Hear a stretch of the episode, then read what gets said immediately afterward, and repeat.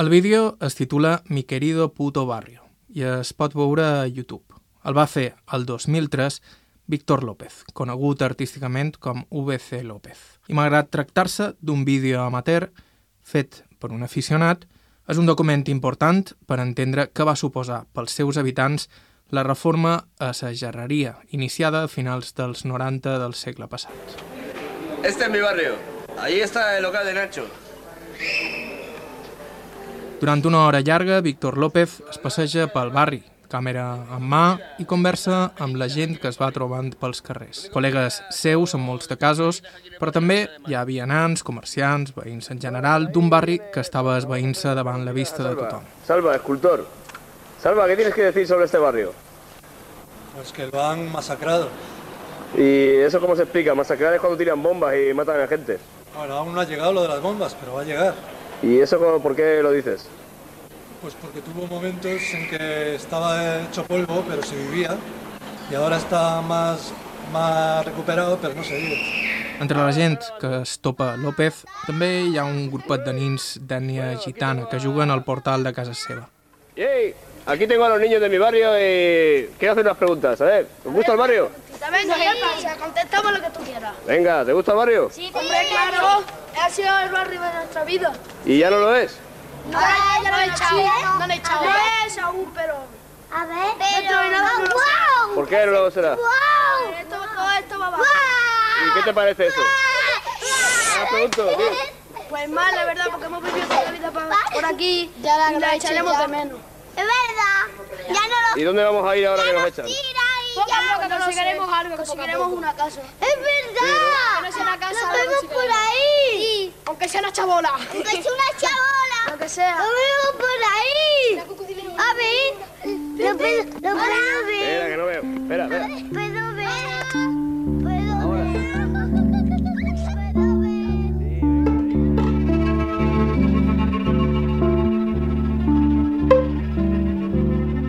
No és difícil empatitzar en la nostàlgia i indignació de Víctor López, amb la sensació que sembla tenir gairebé tothom que apareix en el seu documental de que els estan expulsant del seu propi barri. Quan el 1998 es va aprovar el Pla Especial de Reforma Interior de la aquella zona era una de les més degradades de ciutat, un gra purulent a la cara d'aquella palma que aspirava a convertir-se en un destí turístic de primera categoria. Tothom coincideix en el mateix, en què s'havia de fer alguna cosa. La cosa a fer ja és una altra història.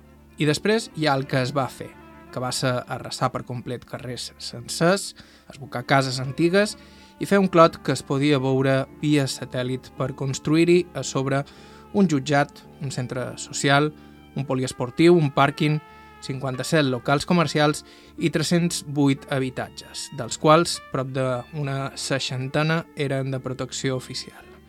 I això és només el que es va fer amb inversió pública. Els inversors privats es van ensumar tot d'una a la festa. I entre uns i altres, en només una dècada, varen transformar el barri xino de Palma en una cosa completament diferent, molt més neta, molt més segura i molt més moderna, però per la qual la ciutat i els seus habitants varen haver de pagar un preu.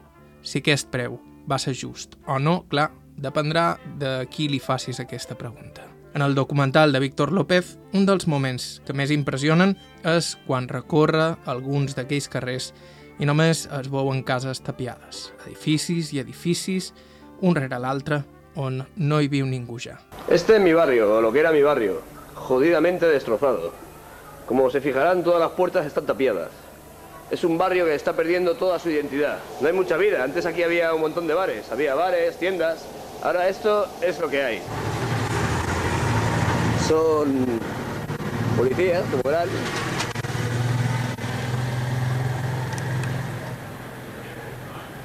Solares. Esto es lo que hay, señores y señoras. Solares para dar y regalar.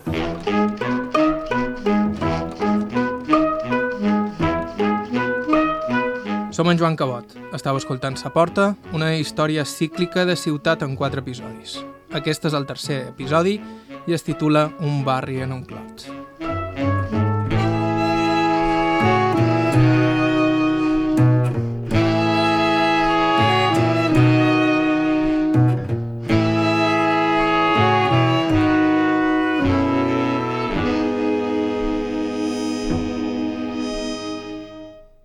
És difícil contar la història de la gentrificació de l'antic barri xino de Palma sense prendre partits. Així tot, hauríem de tenir present des del principi que molts, la majoria de fet, dels que han participat activa o passivament a la transformació del barri ho han fet en les millors intencions.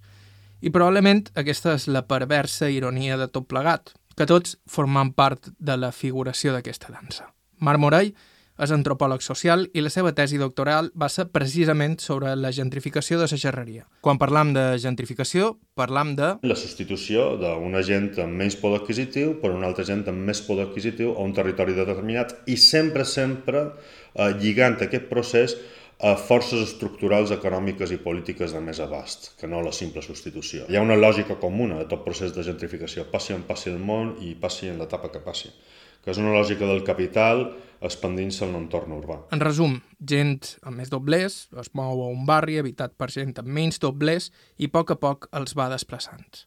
El concepte en si és nou. El fenomen, òbviament, no ho és, però es dona de cada vegada a major velocitat i, sobretot, i això és el més important, afecta classes socials que anteriorment es podien considerar fora de perill. I justament això és el que va estudiar Morell a la gerreria. La gentrificació normalment sempre s'ha explicat a partir de classes que ja estan formades. Per tant, tenim unes classes marginals, unes classes treballadores que han d'abandonar o han de deixar uns certs llocs degut a les pressions econòmiques que s'estan donant, a pujada de lloguers, expropiacions a propietaris mateixos que potser no viuen, eh, això va ser el cas de la gerreria també, i que són substituïts per també unes altres classes ja fetes que els diem classes mitjanes o classes altes. Jo això ho vaig impugnar completament i vaig entendre que tant uns com altres eren víctimes dins aquest procés i eren treball dins aquest procés. En tant que les classes marginals o classes treballadores, depenent del cas, eh, eren aquelles que amb la seva presència eh, i sobretot en el cas del barri xino, varen ajudar a que baixés el valor del preu del sol i després aquelles classes mitjanes en les seves celebracions patrimonials i festives i, i d'ordre i de neteja i associatives, eh, el que feien era portar un valor al territori. Normalment sabeu aquestes dues fraccions de classe o, classes o grups socials com a oposats entre si. Jo els veig bàsicament com a eh, fraccions de classe que ocupen eh, diferents posicions dins una cadena de producció de valor i aquesta cadena de producció de valor crea una plusvàlua que no se l'endú, òbviament no se l'endú ni les classes marginals ni classes treballadores ni tampoc se l'endú aquesta mal anomenada classe mitjana, sinó que se l'endú uns tercers que són aquells que fan els negocis especulatius, immobiliaris i, i rentistes també. Per tant, no els veia com a classes oposades, els veia com un continu. Això és molt important. Segons Morell, la classe mitja no és la gran beneficiada del procés, com et solia pensar, sinó una mena de pas intermedi. La classe mitja entra en el barri, desplaçant la classe baixa, però prest vendrà una classe més alta aprofitar-se de les millores que ha fet la classe mitja, que a la vegada serà desplaçada. Estem xerrant d'un procés que també eh, no té per què tenir eh, uns senyors a darrere que ho estiguin manejant i teant tot al mateix temps. Estem xerrant d'una història de llarga durada. I aquesta història de llarga durada és important tenir-la en compte, perquè aleshores intervenen tots aquests factors que semblen diversos però que ajuden en aquesta lògica que ho explica. En aquest sentit jo estic bastant per les explicacions de la producció de la gentrificació. Això no vol dir que hi hagi algú al darrere, eh, una manobra que ho estigui controlant tot constantment. El que sí que hi ha és una lògica, però, on s'hi van afegint gent. I també, de vegades, certs episodis on hi ha gent que és plenament conscient de lo que està succeint i, i en fa negoci eh, sabent que aquestes coses passen també. En el cas de la gerreria, podríem parlar de la tempesta gentrificadora perfecta. De la reforma se'n parlava des dels temps en què el socialista Ramon Aguiló era batlle, però va ser amb Joan Fageda que varen alinear-se totes les institucions imaginables, locals, nacionals i supranacionals, i es varen concretar els interessos polítics i particulars que duien dècades congriant-se al voltant d'aquella zona. En alguns casos era difícil distingir on començaven uns i acabaven els altres, i Morell desmunta també alguns mites, com que la majoria de les cases estaven desocupades o que la població resident era població marginal. No oblidem que la majoria de la població del barri durant els 80s i els 90s, abans de que començassin les grans reformes, era població treballadora envellida, jubilada. Molt més que prostitutes i eh, que el món de la droga. La població envellida, una població envellida que no va poder deixar el barri com van deixar altres coetanis seus quan eren més joves cap als eixamples.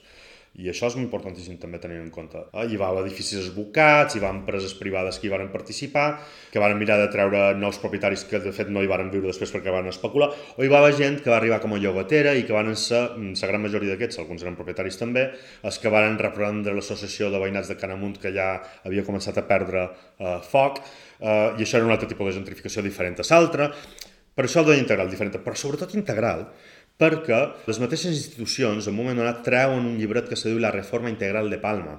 Eh? I aquesta reforma integral de Palma venia, era integral perquè venia subvencionada, per un costat, per l'administració local, amb el Pla Especial de Protecció i Reforma Interior. Primera vegada que és protecció, un PERI, eh? PEPRI, no PERI de la gerreria, que se li posa el nom al barri a partir d'un carrer, quan abans no tenia nom aquest barri. Eh, aquí on se comença a dir quins edificis s'han d'esbocar i quins no, eh, i se comença a distribuir una mica eh, el tipus de, de gent que hi podrà accedir, que se'n xerra de que s'ha d'aconseguir una mescla social, Compte quan sents xerrar de mescla social a un pla urbanístic, perquè al cap i al fi no deixa de ser l'esperó. Clar, ningú dirà amb un pla urbanístic s'ha de substituir la població. Eh? Això ho diran després per premsa qui vulgui. Se xerra de mescla social perquè és una cosa positiva, benèvola, eh? però bé que no se va mesclar socialment son vida. Ah, això també és interessant veure-ho. Això per una banda, eh, el PEPRI. Integral perquè també hi va haver la participació de lo que eren projectes finançats per fons europeus, però bàsicament implementats pel govern balear i pel Consell Insular de Mallorca, que seria el Pla Mirai. Hi havia un Pla Mirai Palma Centre, del qual va ser responsable en Geroni Saiz, que va ser exconseller d'Obra Pública del túnel de Solla, i aquest era per, per fer l'enllumenat, aquest, tot, totes aquestes millores que durant dècades no se van permetre en el barri. Clavegaram, la recollida pneumàtica de FEMS, que te trobes encara aquestes maquinotes a qualque lloc que apareixen sortides de la Guerra de les Galàxies i que no funcionen després d'anys i anys. Això se va fer també en l'època del Pla Mirai. Tot això va participar en el barri. Després hi havia tota una intervenció per aquesta uh, reforma integral, que jo li dic gentrificació integral, que venia de l'Estat espanyol, bàsicament de dues maneres. Una d'elles uh, amb els jutjats, que se van posar a damunt és brut, que era el centre, centre, centre del mal del barri xino. I després també l'Estat va ser molt important en l'època de Naznar perquè va canalitzar 10 projectes de ciutats espanyoles per aconseguir l'Urban, que era un programa europeu. La darrera administració que hi participa, la Unió Europea amb el programa Urban. Urban és una diana fàcil per a moltes de les crítiques a la reforma del barri, perquè és el projecte responsable d'algunes de les seccions més importants – també d'algun dels fracassos més sonats, com el passeig per l'artesania. Però en principi, Urban era la vessant més ben intencionada i social de tot l'entramat de projectes de reforma que varen coincidir en aquells anys. El programa Urban és un programa que la, el motiu principal no és la millora de l'entorn urbà, sinó que és mirada que va amb la degeneració social que existeix en alguns llocs. No? Mirar d'acabar amb les condicions que fan que la gent hagi de viure eh, en la misèria, en la prostitució, en la droga, etc. I aleshores és quan se crea l'Escola d'Oficis Artesans, lligat un passeig per l'artesania que havia, tot això finançat per la Unió Europea, que havia de ser un pol d'atracció per turistes, on anirien turistes duits amb autobusos per poder veure a gerrers fent gerros, que eren gent que socialment s'havien rehabilitat eh, gràcies a aquests fons estructurals europeus. Clar, tots aquests projectes d'en Jeroni Saiz els acaba coordinant amb un equip de gent, eh, treballadors socials i de tot, i, i, i els ajunta tots, per això li diu reforma integral.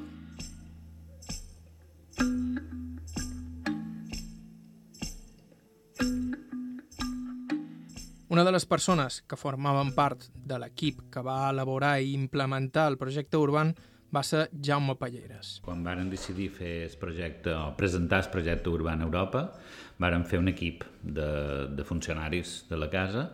Hi havia diferents companys i jo duia el tema de formació, ocupació i incentivació econòmica, però des de la vessant de col·lectius vulnerables només la banda social. Palleres deu ser un dels treballadors socials més veterans de l'Ajuntament de Palma i formava part d'aquella primera fornada de treballadors de carrer que varen veure en el seu moment la possibilitat de tenir un impacte real millorant les condicions de vida de la barriada. Quan nosaltres vàrem arribar, ja eren els anys 80, ja estava, ja estava bastant degenerat, vull dir, el tema de la droga estava... De fet, la gran intervenció que se va fer era, era per mort d'aquesta situació.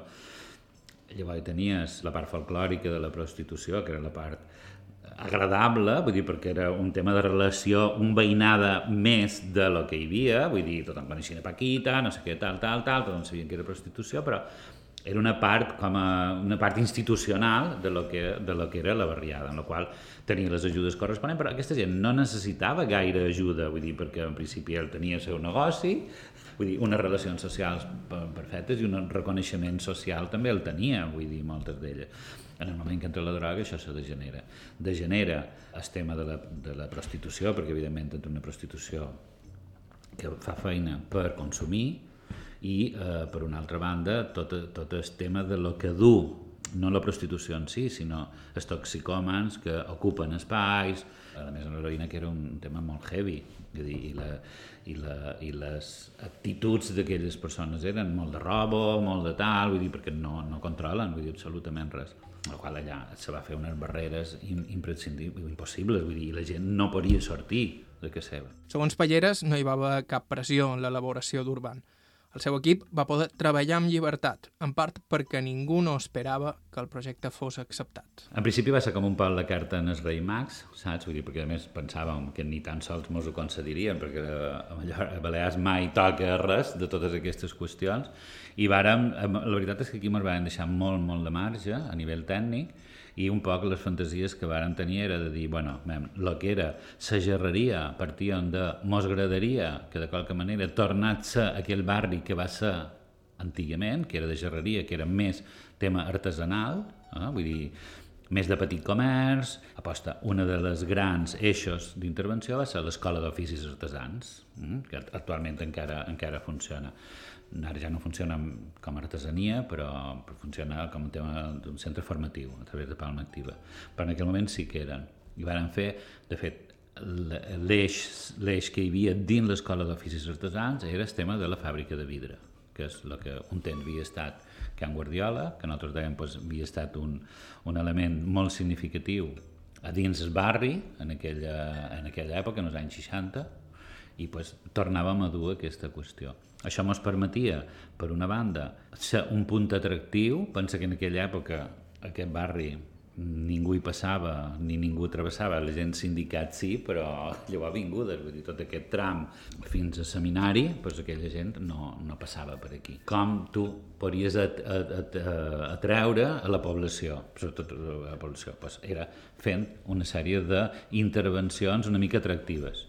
Un d'aquests era el tema de la fàbrica de l'Escola d'Oficis Artesans, l'altre era tot esvoltant el que va ser el passeig per l'artesania. La idea era que tu et formaves a l'Escola d'Oficis Artesans i a la vegada se t'oferia un espai on poder vendre els productes que elaboraves. Aquell també era el moment en què varen començar a arribar a creuer-se a Palma i es varen crear circuits perquè els estrangers poguessin visitar la zona. I, i aquí hi havia els programes que de cada vegada implicaven tot el tema, o sigui, eren per col·lectius vulnerables, s'havia de fer formació per col·lectius vulnerables majoritàriament, i tots aquells artesans havien de tenir un poc la idea aquella que hi havia un temps, que era la, eh, la gent en pràctiques, perquè aprengués l'ofici, perquè un tema artesanal s'aprèn mm, fent, fent feina manual. I era un poc el que en, en els oficis artesans, en els centres d'artesania, pues teníem, hi havia l'artesà, diguéssim, oficial, però tenia gent en pràctiques. I tenia, a canvi, una beca perquè tenia temes de problemes d'inserció. Muntar, varen muntar una empresa de neteja en les dones del barri perquè poguessin fer net els edificis que hi havia. I bueno, un poc era aquest, aquesta simbiosi de dir, bueno, llavors, tots els edificis que, que havien de ser de vivendes a la planta baixa hi havia d'haver un, un punt destinat a incentivació econòmica però gestionant des de la municipal, no des de la privat. Perquè Urban era només una part de tota l'actuació de remodelació del barri, que es va solapar en les actuacions del Pla Especial de Reforma Interior, el PERI. És que aquí s'ajuntaven com a dos projectes, o sigui, el que és el projecte Urban, que és el que nosaltres, com a administració i com a àrea de benestar social i de tal, controlàvem, i l'altre és el que era tota eh, l'actuació la, 2B que nosaltres li dèiem, que era l'esbocament de totes les cases i el que és el pàrquing de la gerreria, que és aquell clot que hi va, va haver molt de temps, i què se va fer? Clar, allò era de, de, de tema privat, allò era gestió privada. amb un supervisió municipal, perquè els terrenys eren municipals i tal, perquè se van expropiar, però clar, allò no formava part d'Urban, per entendre'ns, era tot el conjunt -huh, de lo que hi havia. Urban va tombar quatre mansanes, dues mansanes, te diria, però que s'abocaven i no, no tenien cap encant, però sí que va reformar, vull dir, l'escola d'oficis artesans, de fet, era l'antiga gerreria, encara manté. De grans eh, inversions així, o de grans blocs, hi havia flassaders, que se dedicava a tema, a tema de cultura, però cultura no... de, de tema més de, de dinamització de barri, que era l'objectiu que tenia Flassaders, i de fet encara, encara li té. Val?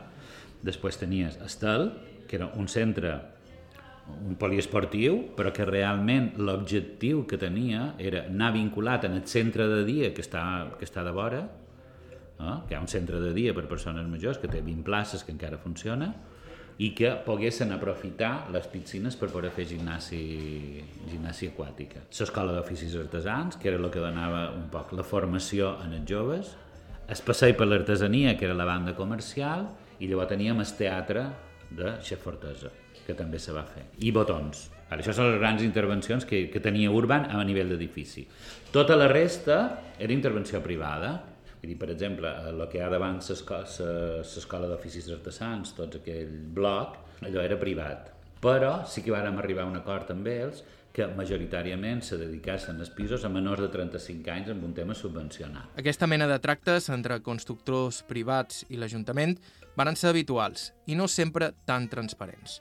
Òbviament, però, depenien d'instàncies superiors i no dels treballadors socials. Han d'estar en aquell moment. Val? La majoria d'edificis estaven buits. Vull dir que en la qual no hi vivia gent, o vivien eh, amb unes condicions molt... problemes de toxicomanies, de tal. O sigui, la gent que vivia allà i que era la gent del barri ha continuat a dins del barri, perquè de fet se va muntar a que és Estel, el centre de, sí, d'estel de poliesportiu. A dalt, tots són vivendes, vivendes per les persones del barri. Vull dir, allò varen continuar. Veure que Ventura, un moment determinat, varen haver de sortir per tornar a venir a viure. El temps que s'estava fent l'obra. Tenies allò, tenies a Botons, en el carrer Botons, tens, tens les vivendes adaptades per persones majors i per discapacitats, vale? totes aquestes vivendes varen ser adaptades per gent que vivia dins el barri que tenia dret, evidentment, aquella gent que estava arrelada, que, que, que quan se va enterar va, va ocupar un pis, doncs aquesta gent en principi no tenia dret, igual que no tindria dret, eh, perquè era una ocupa momentània de, del moment d'aprofitar la situació. Què va passar? Que molta de gent que va sortir del barri, perquè van anar a altres barris, subvencionats i pagats per, per, per l'Ajuntament perquè pagava el lloguer, hm? clar, una vegada varen sortir del barri, varen veure una altra realitat, que els hi va agradar més, en la qual hi va haver gent que no va voler tornar en el barri, perquè tenien aquella idea d'aquell barri que s'envien anat. Però en principi tothom va ser recol·locat. Que no va ser una gran població, però és que no n'hi havia, vull dir, perquè hi havia molt poca, però vull dir, per això hi havia un, un equip només específicament de treballadors socials que treballaven amb el seguiment i en cada una de les valoracions dels casos sigui, en la qual gent que fos expulsada del barri sí, sí. n'hi va molt poca. El que passa és que, veure, que la capacitat que tenia el barri d'assumir població era molt grossa. Estava un 20%, un 80%, estava buit. És fàcil centrar-se en les parts del projecte que varen ser un fracàs o no varen sortir com s'esperava, com el passeig de l'artesania. Aquí hi varen intervenir diversos factors, des de l'excés d'optimisme i candidesa per part dels seus impulsors el suposat boicot dels guies, que volien la seva part de comissions a canvi de dur turistes fins allà. També certa descoordinació entre les diferents iniciatives de reforma del barri. Però més enllà d'això, Jaume Palleres considera que Urban va ser un èxit i va deixar moltes coses bones a la zona com el centre Flassaders o Sestel. També ha canviat molt, perquè vull dir, estan molt d'anys que no hi havia res, i llavors cop i volta, bars, i llavors la gentrificació, i ara, clar, ara la gent se'n va, però la gent que va comprar va comprar un preu molt barat comparat amb el que hi ha ara, saps? Perquè estava molt, molt subvencionat tot allò. No era que ha, aquella zona en aquell moment. Hi havia molt, molt de, per part del patronat de l'habitatge, se va fer moltes subvencions. Aquí va ser per jo la gran regeneració. Saps qui va ser? Quan va dir, escolta, la gent de Palma torna, van venir molta gent jove, i se va començar a donar una dinàmica. El que passa és que, clar, vull dir, per viure. Jo, també varen viure lo de Frank, jo quan venen els bars, oi, ara venen els bars i tothom no volien que se convertís en lo de la llonja. No ha estat lo de la llonja. I ara, però lo de Raimundo Clar, que els bars aquest, però això fa dos anys. Vull dir que està aquí. Mira quants anys han estat tots aquells locals buits, que no hi havia res. En cap moment va passar pel cap dels tècnics de l'Ajuntament que les actuacions d'Urban formarien part del procés de gentrificació del bar. No, perquè el que tu volies era que vengués gent, entenies que era gent de Palma, vull dir, saps, que gent que s'envia nada.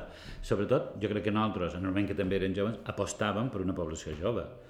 De qualque manera també seguien les línies de lo que hi havia, i el nostre model sempre està a Barcelona. Saps? I Barcelona pues, l'any 92, tota de les Olimpiades, tal, la Raval, saps? Tot allò és un poc aquesta, aquesta filosofia, aquesta manera d'entendre. Per gentrificació, per res, vamos, nosaltres hem sentit que venien quatre estrangers i que se'n feien baballetes, a la fe havien quatre estrangers, perquè no hi havia ningú. Marc Morell recorda els fets de manera diferent. En recorda exactament el responsable d'urbanisme del partit en l'oposició, quan en Fageda va començar a esbocar amb un mai a l'última hora que surt que està esbocant el barri i com, com si estigués batejant un vaixell amb una botella de cava i, i això surt a premsa. Pues en el mateix moment tenim el representant de l'oposició dient que és necessari pensar en quin tipus de població substituirem el forat deixat per aquella gent que traslladarem a un altre lloc. Això, això és gentrificació a tope i dit des de l'altre costat i sense emperons.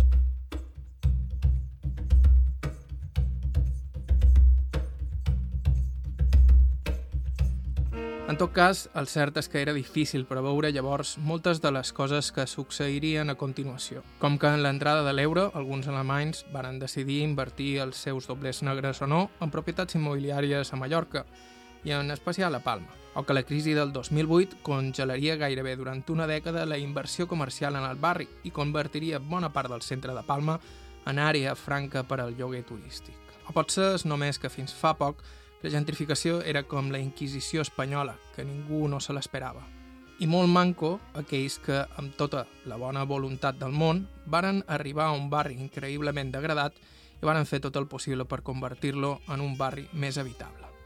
En la dansa de la gentrificació de la Manel Domènech ha jugat sobretot el paper del pioner i ho va fer sense bola, com molts dels seus participants.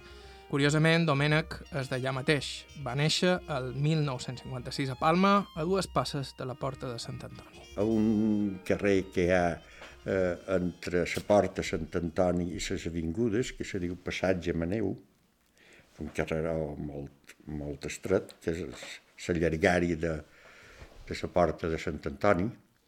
Després de, de jove ja els meus pares van comprar un pis i me vam anar a Can Capiscal i fa una trentena d'anys varen retornar en el barri, en es, la plaça després de la Paia. El barri de la seva infància era molt diferent al que coneixeria dècades després, quan va tornar.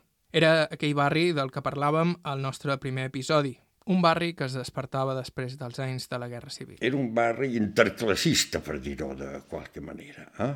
La porta de Sant Antoni era, era un barri molt viu. A les avingudes hi havia el mercat eh? de privilegi del rei en Jaume, però no tan sols el baratillo, sinó el mercat de, de, de, de verdures i d'animals. I, I posaven també, quantes melons, posaven parades de melons. Eh, encara no havien era tot bulevard, ara just arriba el bulevard, diríem, fins a l'escola graduada.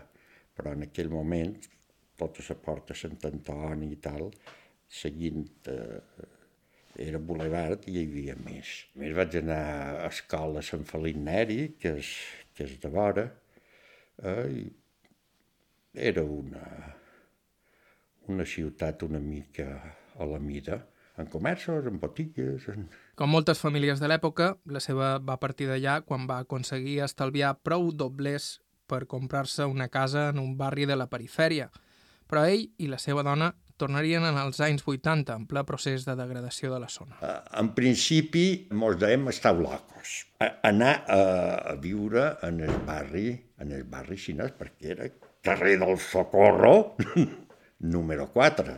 Però eh, ja varen començar a, integrem-nos una mica dins el barri. I una manera d'integrar-se va ser entrar a formar part de l'Associació de Veïns de Canamunt, Ciutat Antiga. Jo recordo una de les activitats que fèiem l'associació de veïnat era anar a tapiar edificis, perquè hi havia molt d'edificis abandonats i el que fèiem era perquè era un perill, perquè hi havia, a vegades hi havia foc, la gent se picava per, per, per, per, per allà de dins, estàvem plens de brutó i tal i qual. I, clar, el, el contrast amb ara és molt cridaner perquè abans vivíem en el, en el, en el barri xinès i ara vivim en el casco antiguo. Ara vivim una, a una zona senyorial. Eh? Les predines s'han anat morint, eh? dels pisos grossos n'han fet dos o tres apartaments que els alloguen més o manco clandestinament per... Eh, s'han anat buidant, s'han anat eh, expulsant eh, la gent més senzilla del barri i ara eh, no saps eh, qui viu de vora. El més curiós és que Domènec i la resta de membres de l'Associació de Veïns de Canamunt han jugat un paper essencial, com explicava Marc Morell, en la revalorització del barri. Des de l'associació es va donar aixopluc a les festes del bar Fleixes, per exemple, també es va donar impuls a les festes posttrinitàries i es van dur a terme diferents iniciatives solidàries i de dinamització que a poc a poc van convertir aquell barri en un entorn molt més amable i atractiu als ulls de gent que, just uns anys abans, mai s'hagués plantejat ni remotament la possibilitat d'instal·lar-se allà. Una mica per explicar aquesta, aquesta evolució basta mirar l'associació de veïnats. La mateixa evolució que ha tingut Can Amunt, ciutat antiga jo quan vàrem eh, fer l'associació en els anys 80, què feia l'associació? L'associació feia la missa en el Sant Cristo de Gerrés, eh, que tenim guardat en l'església del Sacós. Fèiem l'homenatge a la vejez, però a poc a poc, i sobretot amb aquesta incorporació de, de, de gent nova, va ser quan ens vàrem plantejar eh, es, es, es fer qualque cosa per barri. Per exemple, les festes, ja li deien les festes posttrinitàries, perquè les festes del barri eren les festes de la Santíssima Trinitat, que han col·laborat en el procés de gentrificació, tal vegada. Una altra manera d'explicar-ho és amb l'habitual morir d'èxit, una situació que ja varen veure clara en cert moment des de l'associació i que explica per què varen començar a apostar per celebracions amb menys publicitat i enfocades sobretot als mateixos veïns del barri. Inclús les mateixes festes, hi va haver un moment que varen posar, eh, varen trobar un dia de les festes a les dues de la matinada que teníem nou expandidors de cervesa i teníem les forces vives, les juntes, les forces vives, una cada a cada expandidor de cervesa, a, a, a a mig palma. El gir pervers en tot això és que alguns dels impulsors d'aquelles festes han hagut de deixar la zona perquè ja no es podien permetre viure allà.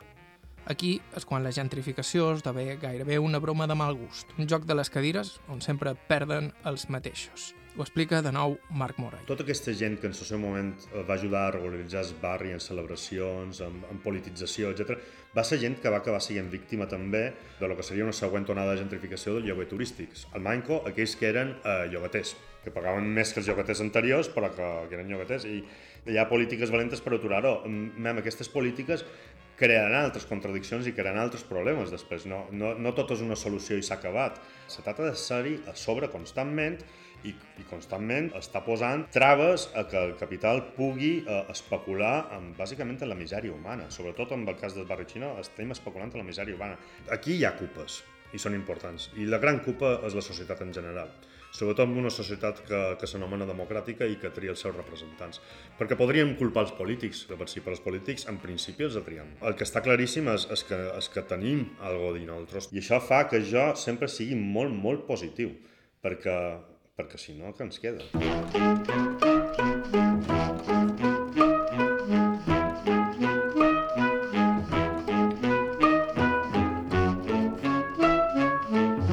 Estau escoltant Sa Porta. Fem una breu pausa i continuem.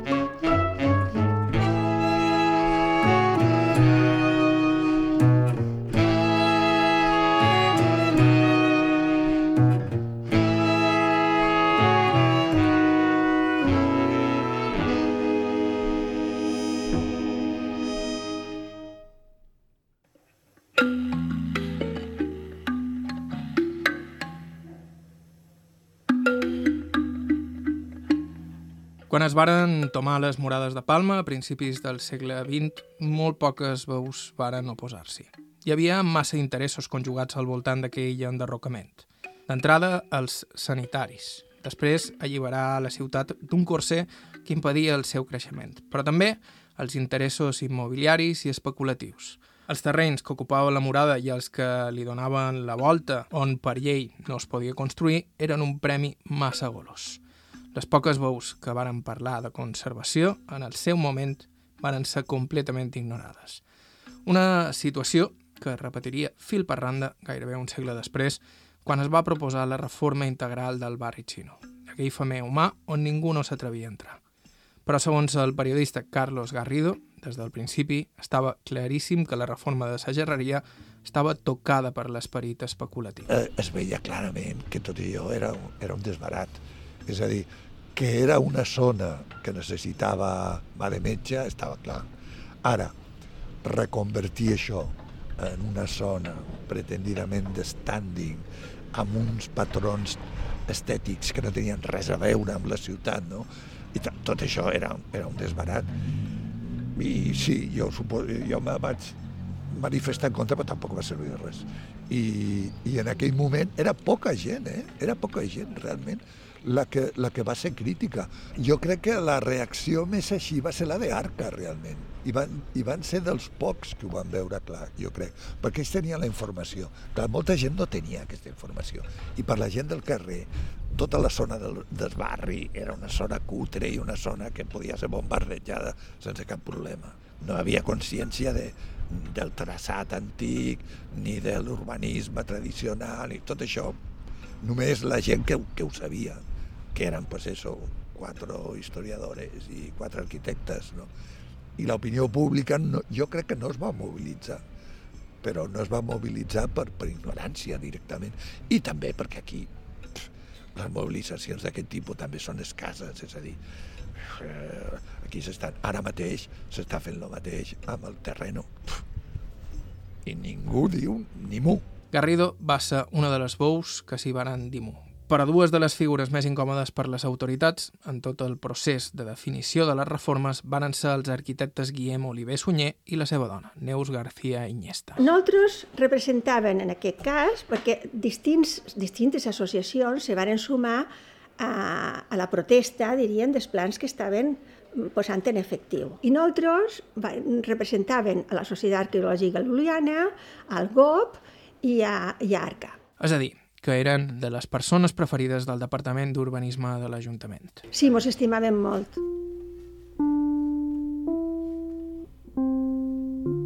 García Iniesta es va treure el títol en un temps en què ser una dona arquitecta era inaudit. Pot ser per això a més, sempre li ha agradat anar a la contra i es va comprometre molt ràpidament en la conservació de l'arquitectura popular, una batalla que va compartir sempre amb el seu marit, en qui ha publicat diversos llibres. Tenim en compte que en els anys 70, que era quan nosaltres vam acabar, en els anys 70 va ser la devastació total. Corrien, corrien a destruir, però de mala manera, en la qual nosaltres teníem que córrer moltíssim per fer... No havia, no havia llibres, nosaltres, els nostres llibres van ser els primers que van sortir. Aquesta vana destructora o reformadora, com li volgueu dir, era molt pròpia dels 70 i els 80 a Mallorca. La societat mallorquina s'havia enriquit gràcies al boom i un cop colonitzada la costa, l'objectiu va desviar-se cap a l'interior i també cap a les barriades de Palma. Els barris començaven a arrasar-los i a construir edificacions noves,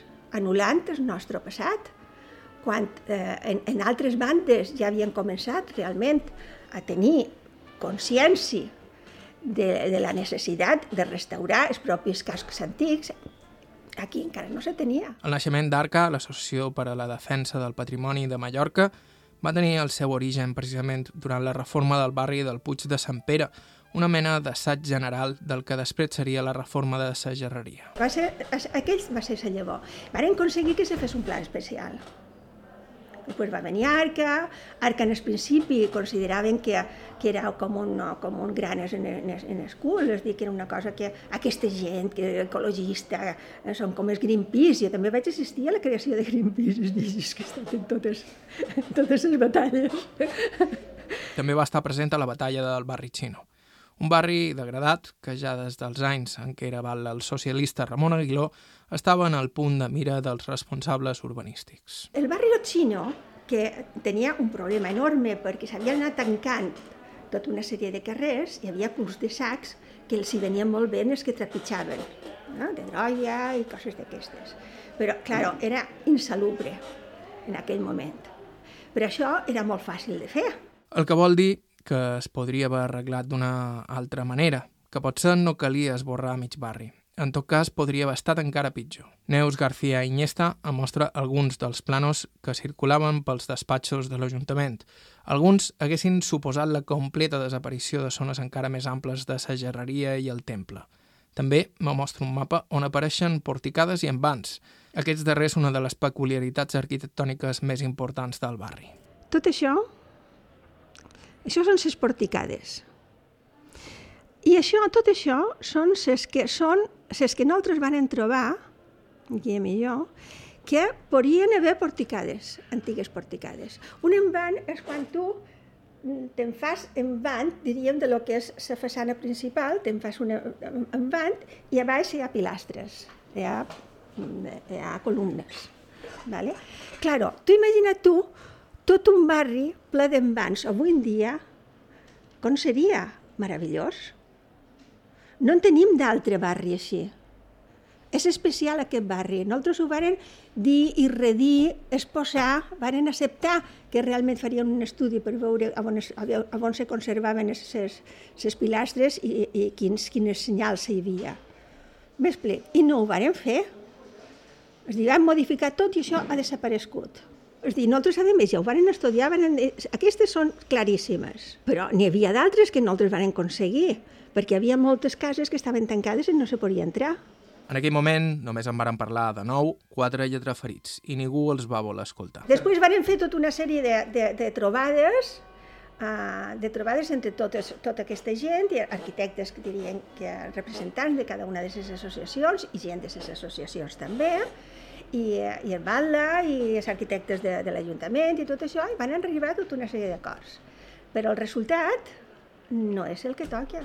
El que vol dir García Iniesta és que uns quants dels punts que es van acordar no es van respectar i en alguns casos el resultat hagués estat completament diferent. Sí que nosaltres varen imposar en ses, eh, eh, quan varen demanar un pla, un pla especial per fer un, una, una cridada, per fer un pla especial, distintes arquitectes, que tenien que adaptar-se a la mesura, a l'amplari del solar. Com a màxim, en casos es específics, molt específics, per fer qualsevol cosa un poc especial, podrien agafar dos, però s'havien d'adaptar a, a, al solar que tenien. Per què? Perquè precisament l'arquitectura popular dels pobles i de les ciutats el que té és la diversificació. És a dir, tu tens un color aquí, un altre color aquí, un altre color aquí, aquí tens les, eh, fines que estan així, aquestes estan un poc més altes perquè eh, el carrer fa un poc així, és a dir, hi ha la diversitat. Si tu comencis a, a agrupar parcel·les, homogenitzes tot, perquè a més tu agrupes, perquè clar, la qüestió empresarial és millor si tu tens tot això, i llavors tu el que fas és el mateix, tu fas un projecte de tot això. Tu fas un edifici. Ja no és arquitectura popular. És una altra cosa. I és el que tenim ara. Aquesta ciutat jo crec que ha tingut mala sort en aquest sentit els, els darrers anys, perquè ha anat perdent coses consubstancials per la seva personalitat, que en certa manera la, la defineixen o la definien. No? S'ha traicionat tot per, una, per un guany barato que, que ara s'està pagant també. No? És dir, I és una pena. I, i, I tota aquella zona de la gerreria i tot això va passar el mateix. I això que jo crec que el pitjor està passant després, perquè la, en aquell moment tampoc hi havia, crec jo, una voluntat explícita de gentrificar. Ens equivocaríem si ens quedéssim només a la superfície i penséssim que el problema de les reformes i la gentrificació és només un problema estètic o de poder adquisitiu. És un problema d'igualtat d'oportunitats i, sobretot, d'identitat. L'arquitectura és el senyal d'identificació del nostre ADN.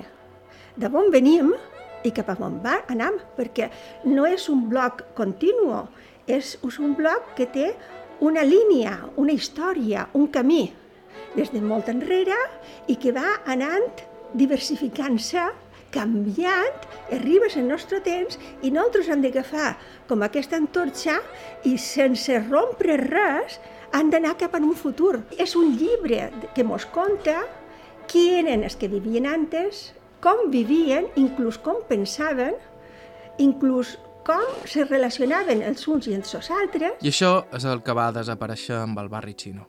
Un bocí del nostre relat.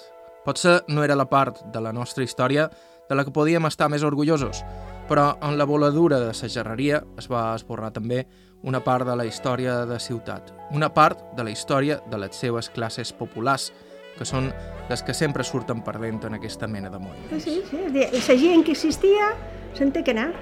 I això és una aberració, és dir, tothom té dret. No, si som iguals, som iguals. No hi ha primera classe, segona classe. No, no n'hi ha. No en teoria. E, és, aquesta és la realitat. Lo altre és el que és fals. Nosaltres venim igual al món. I mon anem igual del món. El que fem enmig és culpa nostra.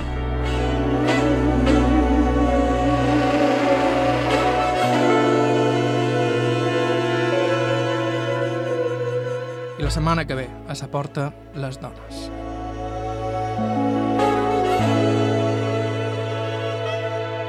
Why don't you add some color? It bring out your eyes. You say you'd never bother. Cause you'd be telling lies. Why don't you try some earth tones? Since you claim you wanna die. The color of compost might make you feel revived. Well, I think it looked great on you. Go and show yourself. There's nothing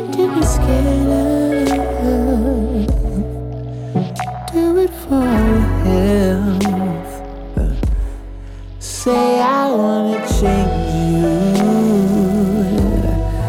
That was never